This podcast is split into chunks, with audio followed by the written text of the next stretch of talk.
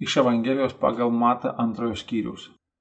Magams iškeliavus, štai, angelas viešpaties pasirodo sapne Juozapui sakydamas, atsikėlęs imk vaikelį ir motiną jo ir bėk į Egiptą ir būk ten, iki pasakysiu tau. Ketinamat Erodas ieškoti vaikelio, įdant pražudytų jį. Tasgi atsikėlęs pasiėmė vaikelį ir motiną jo naktį ir pasitraukė į Egiptą. Ir buvo ten iki erodo galo, įdant išsipildytų tai, kas pasakyta viešpaties per pranašą, sakantį, iš Egipto pašaukiau sūnų mano. Tada erodas, pamatęs, kad magų buvo pašieptas, įtūžo labai.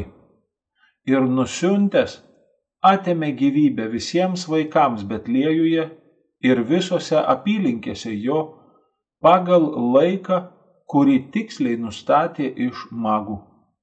Tada išsipildė tai, kas buvo pasakyta per Jeremiją pranašą, sakantį, balsas ramoje pasigirdo, gausus verksmas ir rauda Rachelė apverkė atžalas jos ir nenorėjo būti guodžiama, kadangi nebėra jų.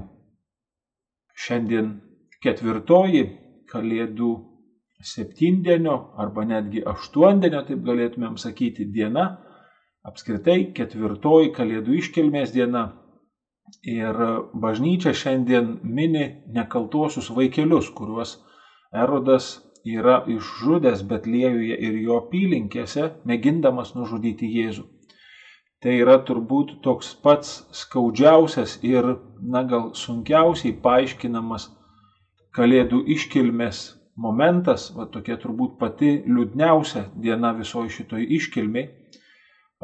Dažnai mėginama šitą beprasmybę, va šitų vaikelių mirties, taip labai tarsi sušvelninti, rodant, kad jie mirė kaip tokie patys jauniausi Jėzaus išpažinėjai, bet iš tiesų pačiam tekste tai nieko nėra apie tai, kad jie tarsi savo mirtį, vat, gal panašiai tarsi kaip Steponas, vat, aukojo, kad jų mirtis yra tarsi auka Jėzui atsidavimo. Iš tikrųjų, pačiam tekste tai labai yra akivaizdu, kad šitos mirtys tų vaikų, jos tiesiog yra visiškai beprasmiškos ir tokios, na, net juokingos karaliaus kovos, mėginimo kovoti prieš Jėzų kaip konkurentą, na, tokia skaudi pasiekmė. Ir todėl, vat, aš sakau, kad, na, šita tokia, tai yra liturginė šventė, bet tai yra tokia skaudi liturginė šventė ir matyt bažnyčia vėlgi, jinai turi labai tokią savo, na, teologinę programą, jinai turi savo teologinį tikslą, kodėl šita šventė yra mūsų kalėdų liturgijoje, tai tą tikėkime mes atrasime šiandien analizuodami šitą Evangelijos ištrauką. E, ką pirmiausia galėtumėm iš tikrųjų taip tarsi pažymėti, kad vėl iš naujo, vos tik tai grįžtam prie Mato Evangelijos, mes vėl matome tokį strateginį tarsi sprendimą Mato. Jisai šitoj trumputiai ištraukui netgi du kartus sako, kad visa tai, kas vyksta vat, čia istoriškai su Jėzumi, jo aplinkoje, iš tikrųjų yra žymiai tokio istorinio Dievo plano dalis. Ir kad ta istorija, kuri čia tarsi atsitiktinai dėliojasi tie įvykiai, kiekvienas asmuo čia yra laisvas elgtis vienaip ar kitaip, vis dėlto visa tai telpa į tokį istorijos galutinį tikslą, apie kurį net pranašai yra kalbėję ir kad net, sakykime, tokie keisti, beprotiški, gal net erodo sumanimai, jie tik tai padeda išsipildyti va šitam Dievo planui, ypatingai va tai, ką Matas cituoja pranašą Ozėją, ne, kad tas bėgimas į Egiptą iš tikrųjų yra pranašystės dalis ir kad tas pašaukimas Jėzaus iš Egipto yra seniai išpranašautas dalykas ir kad tai yra tam tikras istorijos tikslas. Ir dar daugiau matas iš tikrųjų net tokį prioritetą daro tai teologiniai perspektyvai, nes net ir šitoj ištraukoj jisai pirmiausia vat, sako, kaip teologiškai visa šita situacija atrodo, ne, kad jie pasitraukė į Egiptą ir taip įvyko tam, kad išsipildytų šitą pranašystę. Ir tik tai tuomet sako, o kokios yra istorinės aplinkybės ir kokia yra čia ta istorinė įvykių seka, kuri galiausiai baigsis, na, vat, erodo mirtimi. Ir tai toksai gal net labai akivaizdus mato mėginimas teologinė kalba pasakyti, kad erodas, nors jis yra karalius, bet iš tiesų jisai neturi galios nei prieš Dievą, kas, na, yra kaip ir akivaizdu, bet dar daugiau netgi jis neturi galios prieš tą, kuriuo Dievas rūpinasi. Bet jis neturi galios prieš Kristų. Ir vėlgi čia turėtumėm prisiminti, koks vat, Jėzus yra šito ištraukų, kad vis dėlto jis yra pasyvus. Jėzus nepadaro nei vieno veiksmo šito Evangelijos ištraukoj. Ir kita vertus, jis yra tiesiog pažeidžiamas. Vat, atrodytų, kad, na, vat, Dievas juo rūpinasi, bet iš tikrųjų tai jokios stiprybės pačiam Jėzui nesuteikia ir jam, na, tarsi tenka pasikliauti kitais, šiuo atveju Juozapu, Ir va, tas Jėzus pasivumas ir pažeidžiamumas, jisai yra toks labai paradoksalus, nes jis netgi būdamas toksai vis dėlto pranoksta erodą, ne dėl to, kad jis čia turi daugiau galios ar kad jis išmintingesnis dabar yra už erodą. Jis pranoksta erodą tuo, kas jis yra. Jėzus yra kilnesnis už erodą vat, pačiu vat, tuo, kas jis yra. Ir šia prasme erodas nieko dėl to negali padaryti. Na, erodo gale čia nebesiekia dėl to, kas yra Jėzus. Ir čia tikrai taip galėtumėm sakyti, kad šita situacija, kuri susiklosto šiandienos ištraukoje, yra tam tikra prasme programinė.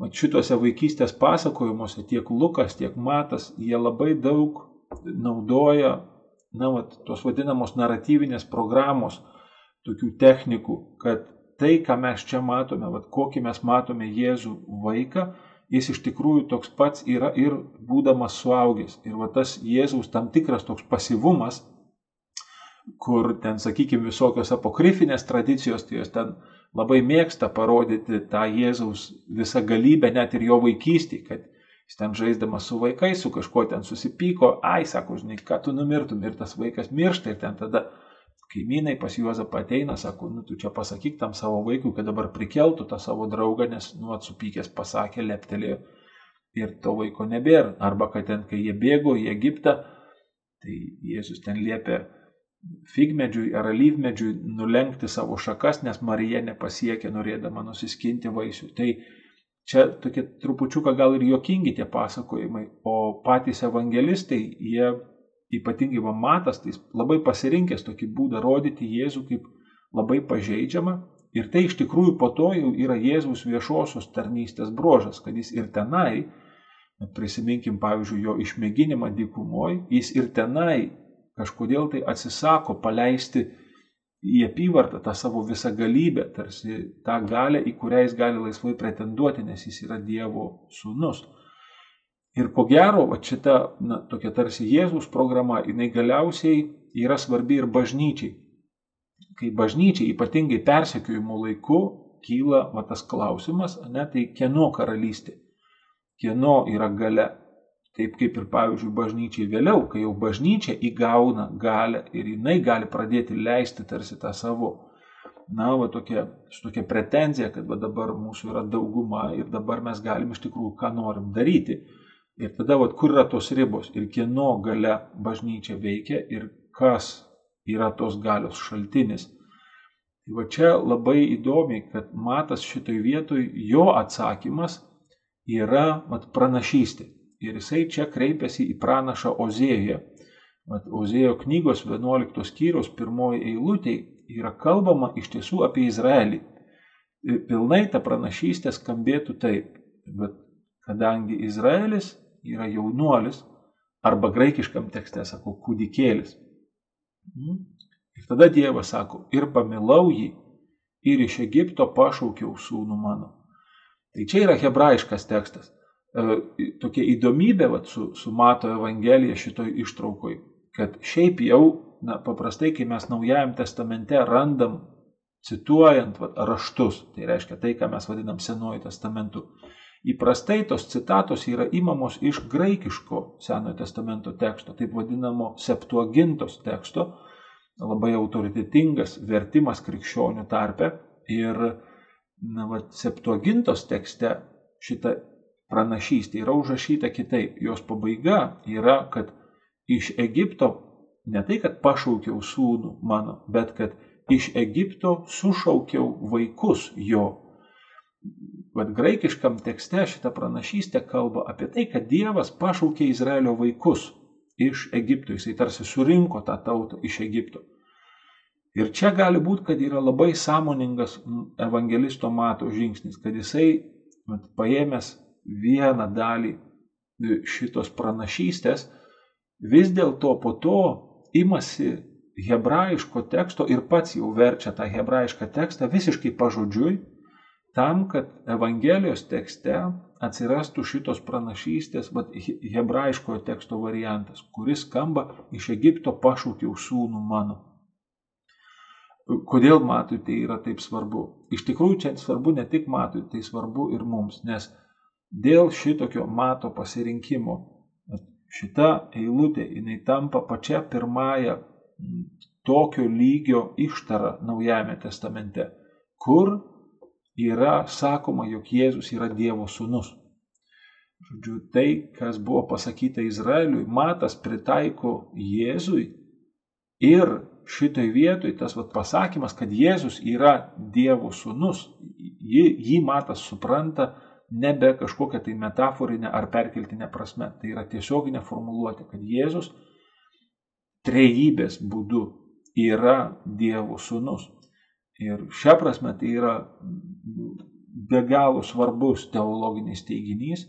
Ir vat, mes tikrai matome tokius, na, tiesiog teologinius ir egzegetinius judesius evangelisto šitoje vietoje, kad tos formuluotės yra tikrai labai atidžiai išsvarstytos ir tas tekstas yra be galo na, kruopščiai suaustas. Ir ta jo dinamika, kad vat, skaitytojas jau pačioj pradžioj rastų, na, va, tas tokias užuominas, kur, kurios jam tampa tarsi lūkesčio vieta, nes tada jisai žiūri į Jėzaus veikimą viešosios tarnystės metu jau su tokiu klausimu, ar tikrai tu esi Dievo sūnus, ypatingai po to, kai mat, išmėginimo dikumoj atveju Jėzus tarsi pasislėpė, jis taip tiesiai ir nepasakė, ar jis yra Dievo sūnus ar ne.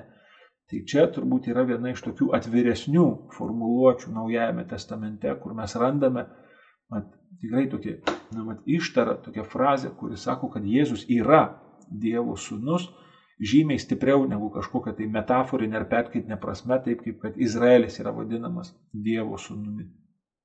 Ir, na, va, tai yra labai, reiškia, keistas buvimas Dievo sūnumi, nes šitas Dievo sūnus tampa labai nesaugus.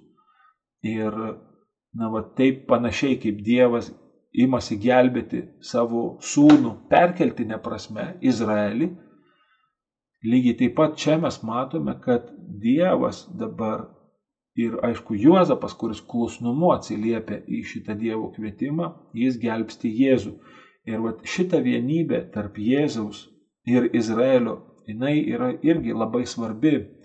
Na, vat, mato Evangelijos tokia teologinė gyja šitą galima atpažinti teologinę na, mintį mato Evangelijoje iki pat, per, per visą tekstą iki pat Evangelijos pabaigos. Ir va šita vienybė, kad Jėzus yra Izraelis, tam tikra prasme tikrasis Izraelis, tas Izraelis, kuris klusnumu atsiliepia į Dievo kvietimą, į Dievo valią ir kad kartu Izraelis savo pilnatvę santykių su Dievu atpažįsta Jėzuje, tai yra labai svarbus mato teologinis teiginys. Ir čia taip labai gražiai kai kurie egzegetai sako, kad Jėzus yra Dievo sūnus Izraelyje ir draugė Izraeliui, kuris yra Dievo sūnus. Na, tarsi taip iš mažosios raidės. Ir vis dėlto, nepaisant šito Jėzaus kilnumo ir jo tokios vat, prigimties, na, tarsi galutinumo, kad Jėzus niekas nepranoks, nes jis yra Dievo sūnus.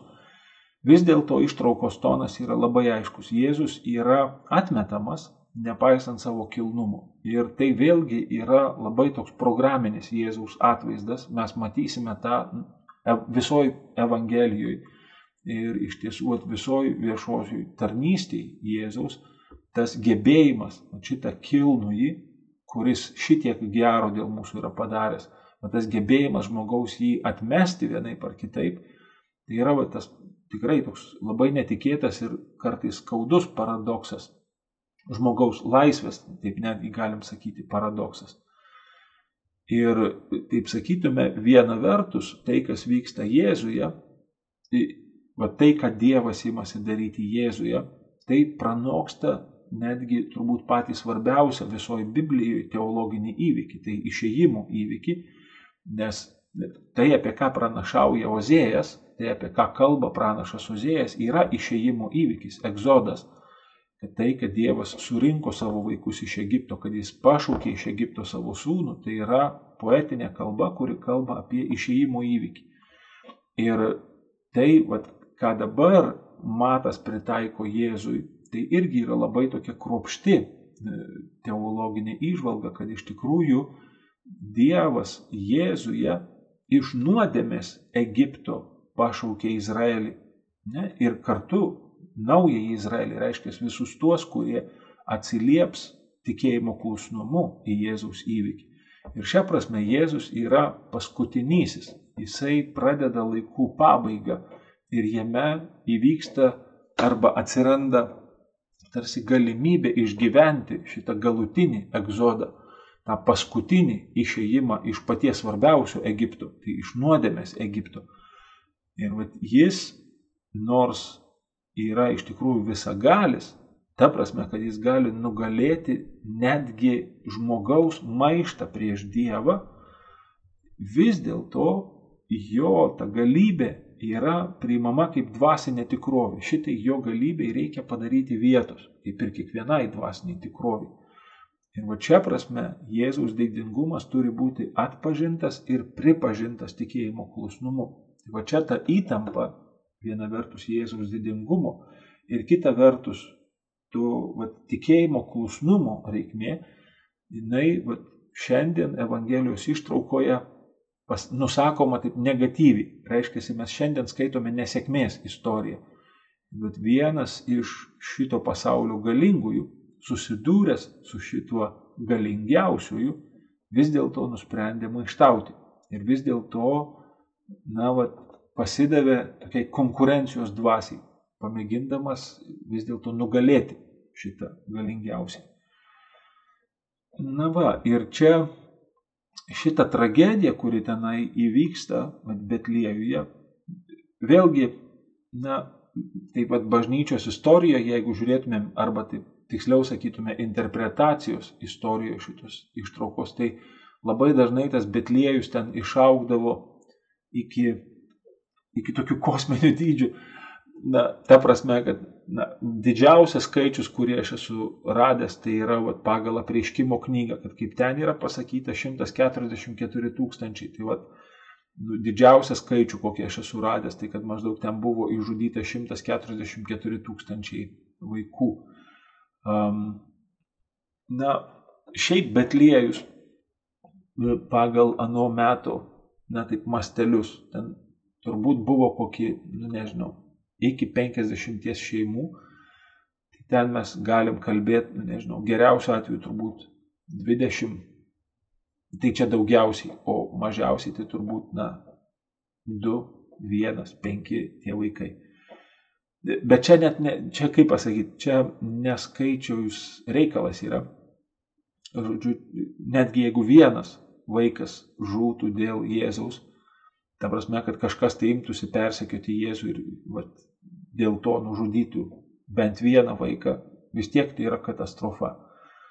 Ir va čia matas labai įdomiai net ir šitoj vietoj, nors iš tikrųjų žymiai atsargiau.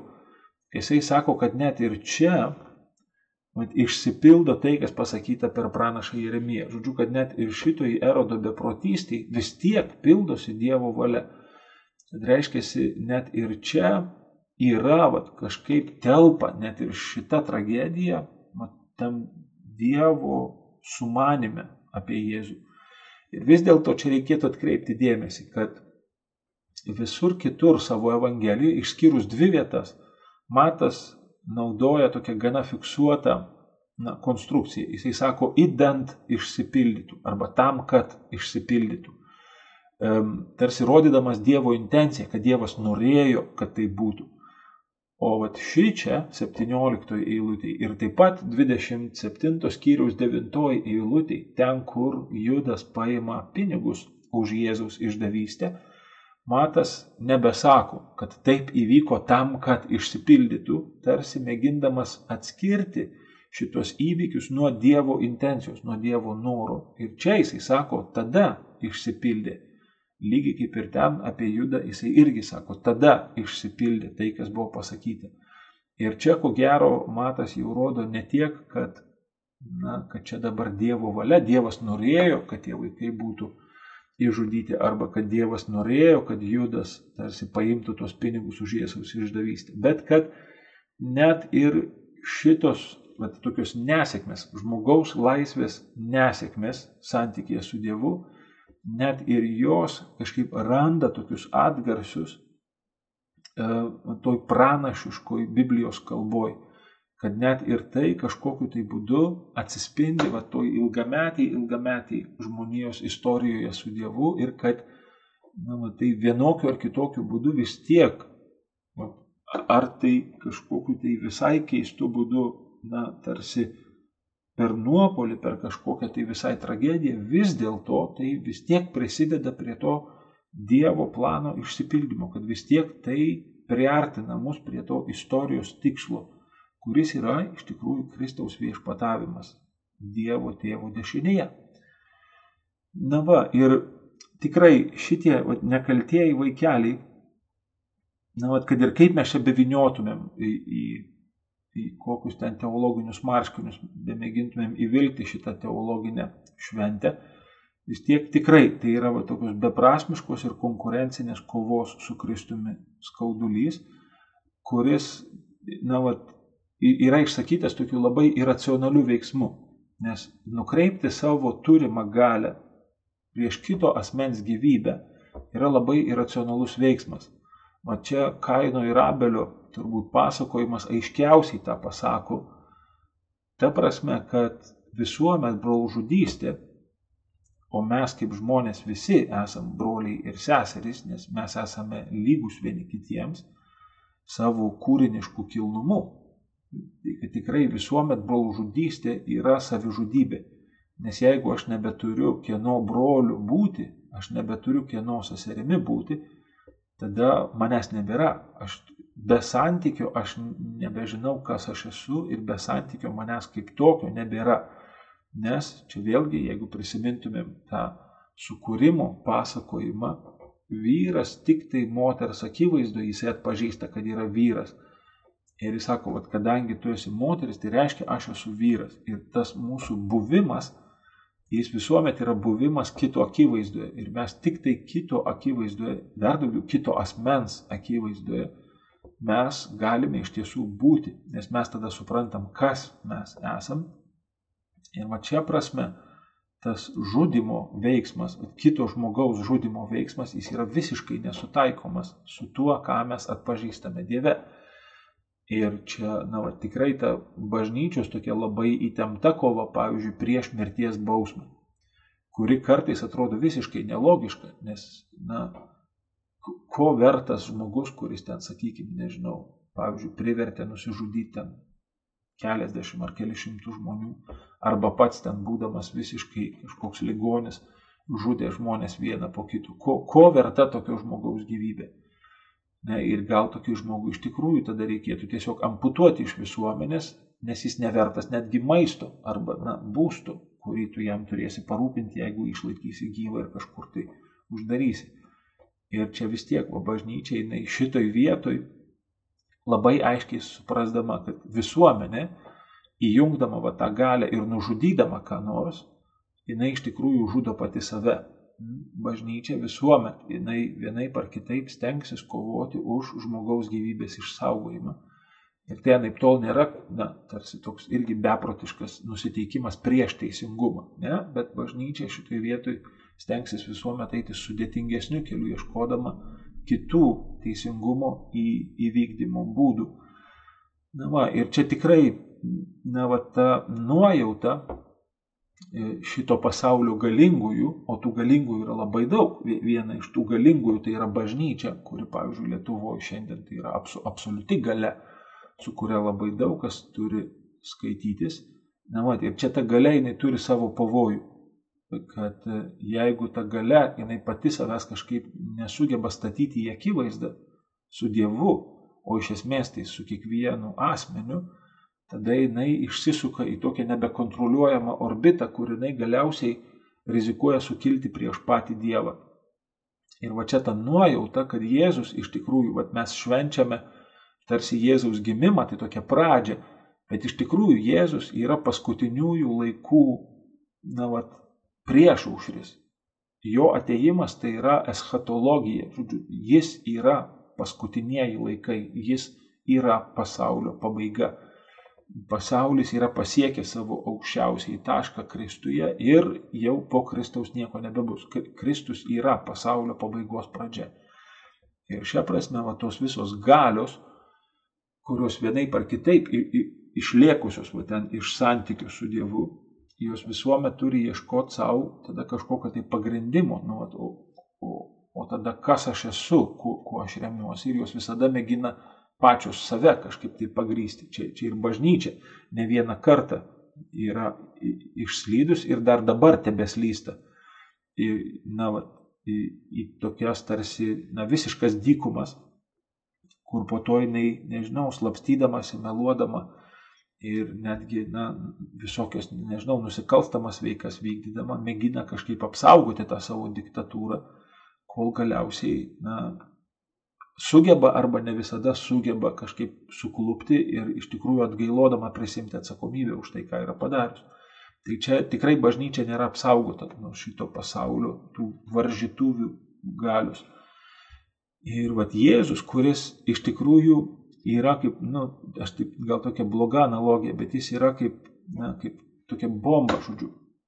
Jisai neišvengiamai daro įtaką savo aplinkai. O čia prisiminkim, pavyzdžiui, tuos gerazos, ne, vat, pamišėlį arba du pamišėlius. Nu, vat, matas labai mėgsta dvejinti tuos veikėjus.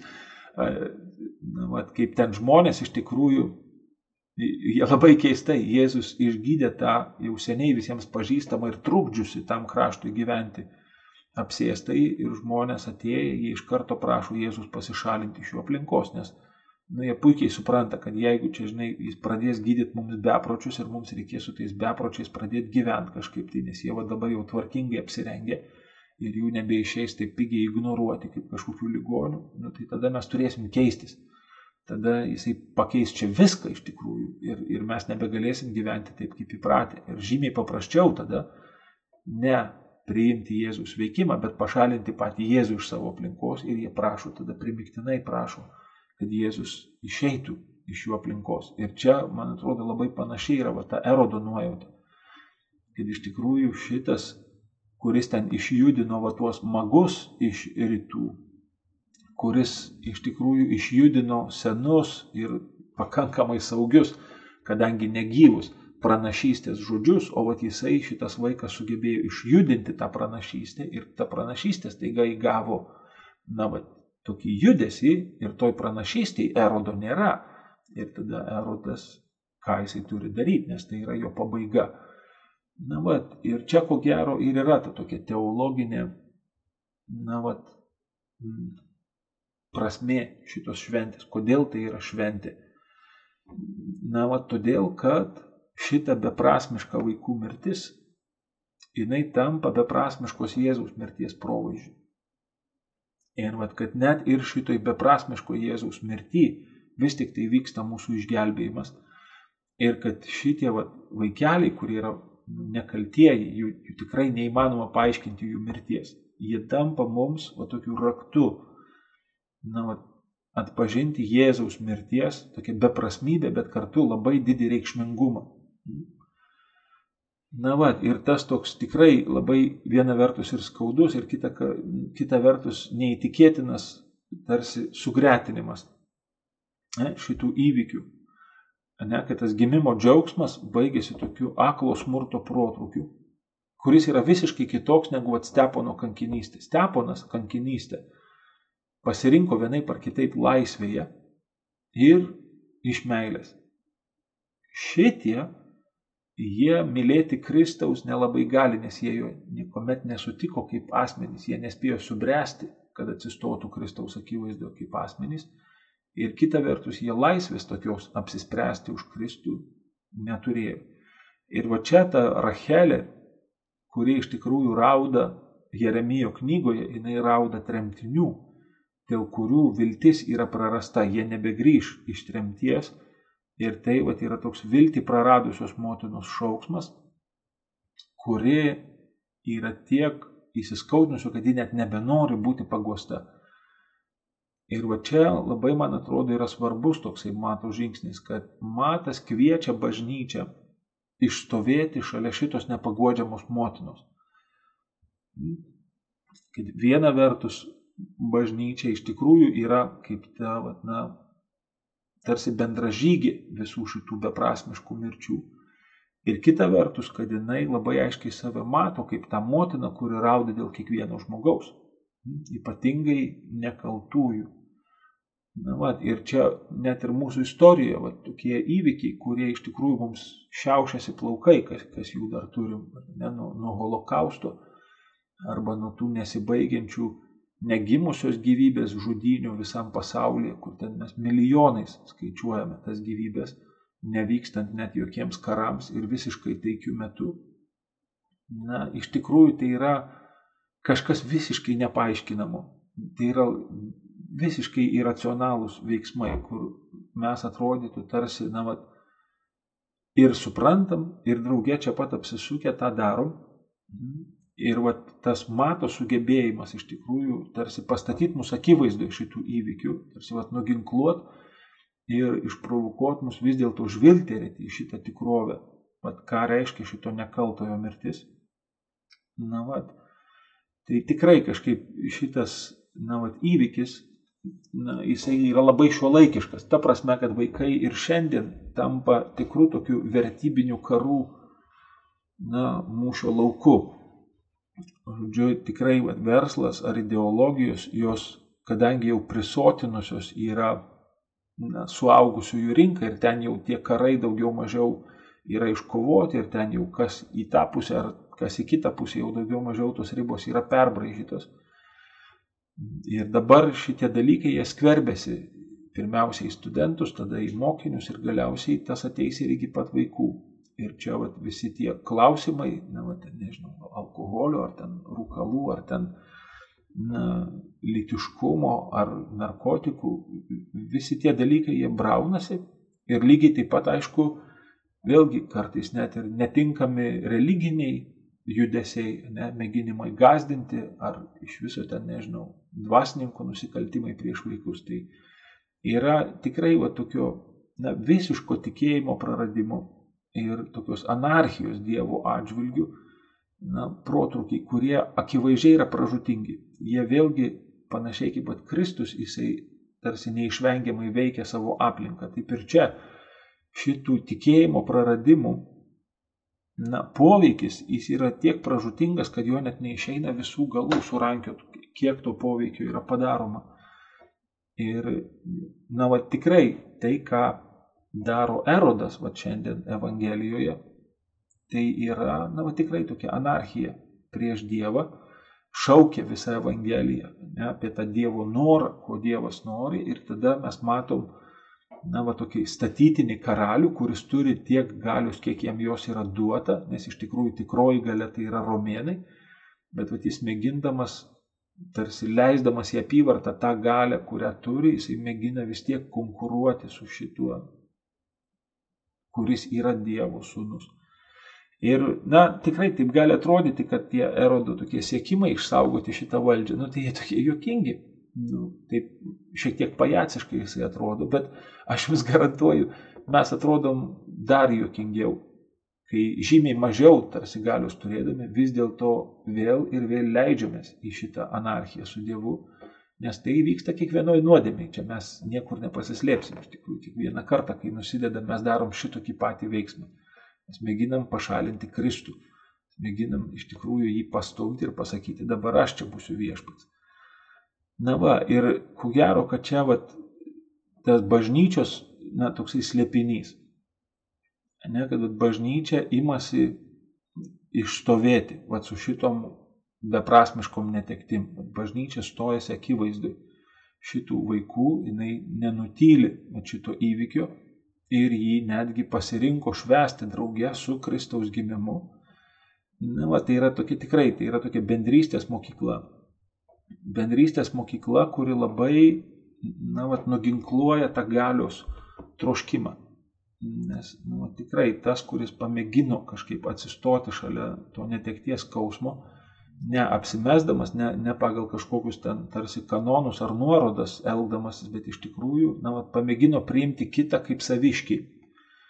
Ta, kuris išgyvena netekti, tai ten to galios siekimo labai greitai apkarsta tas galios siekimas. Ir čia, ko gero, mes vėl tarsi grįžtame į tą šventosios šeimos slėpinį, bet pamėginti kažkaip nepabėgti iš tos šeimos, pamėginti tas ribas atpažinusi, kad va, čia mano brolystė, čia mano seserystė, čia iš tikrųjų mano motinystė bažnyčioje, vis tik tai kažkaip šitų ribų neperžengti, jų nesulaužyti, su saviškiais išbūti. Garbė Jėzui Kristui.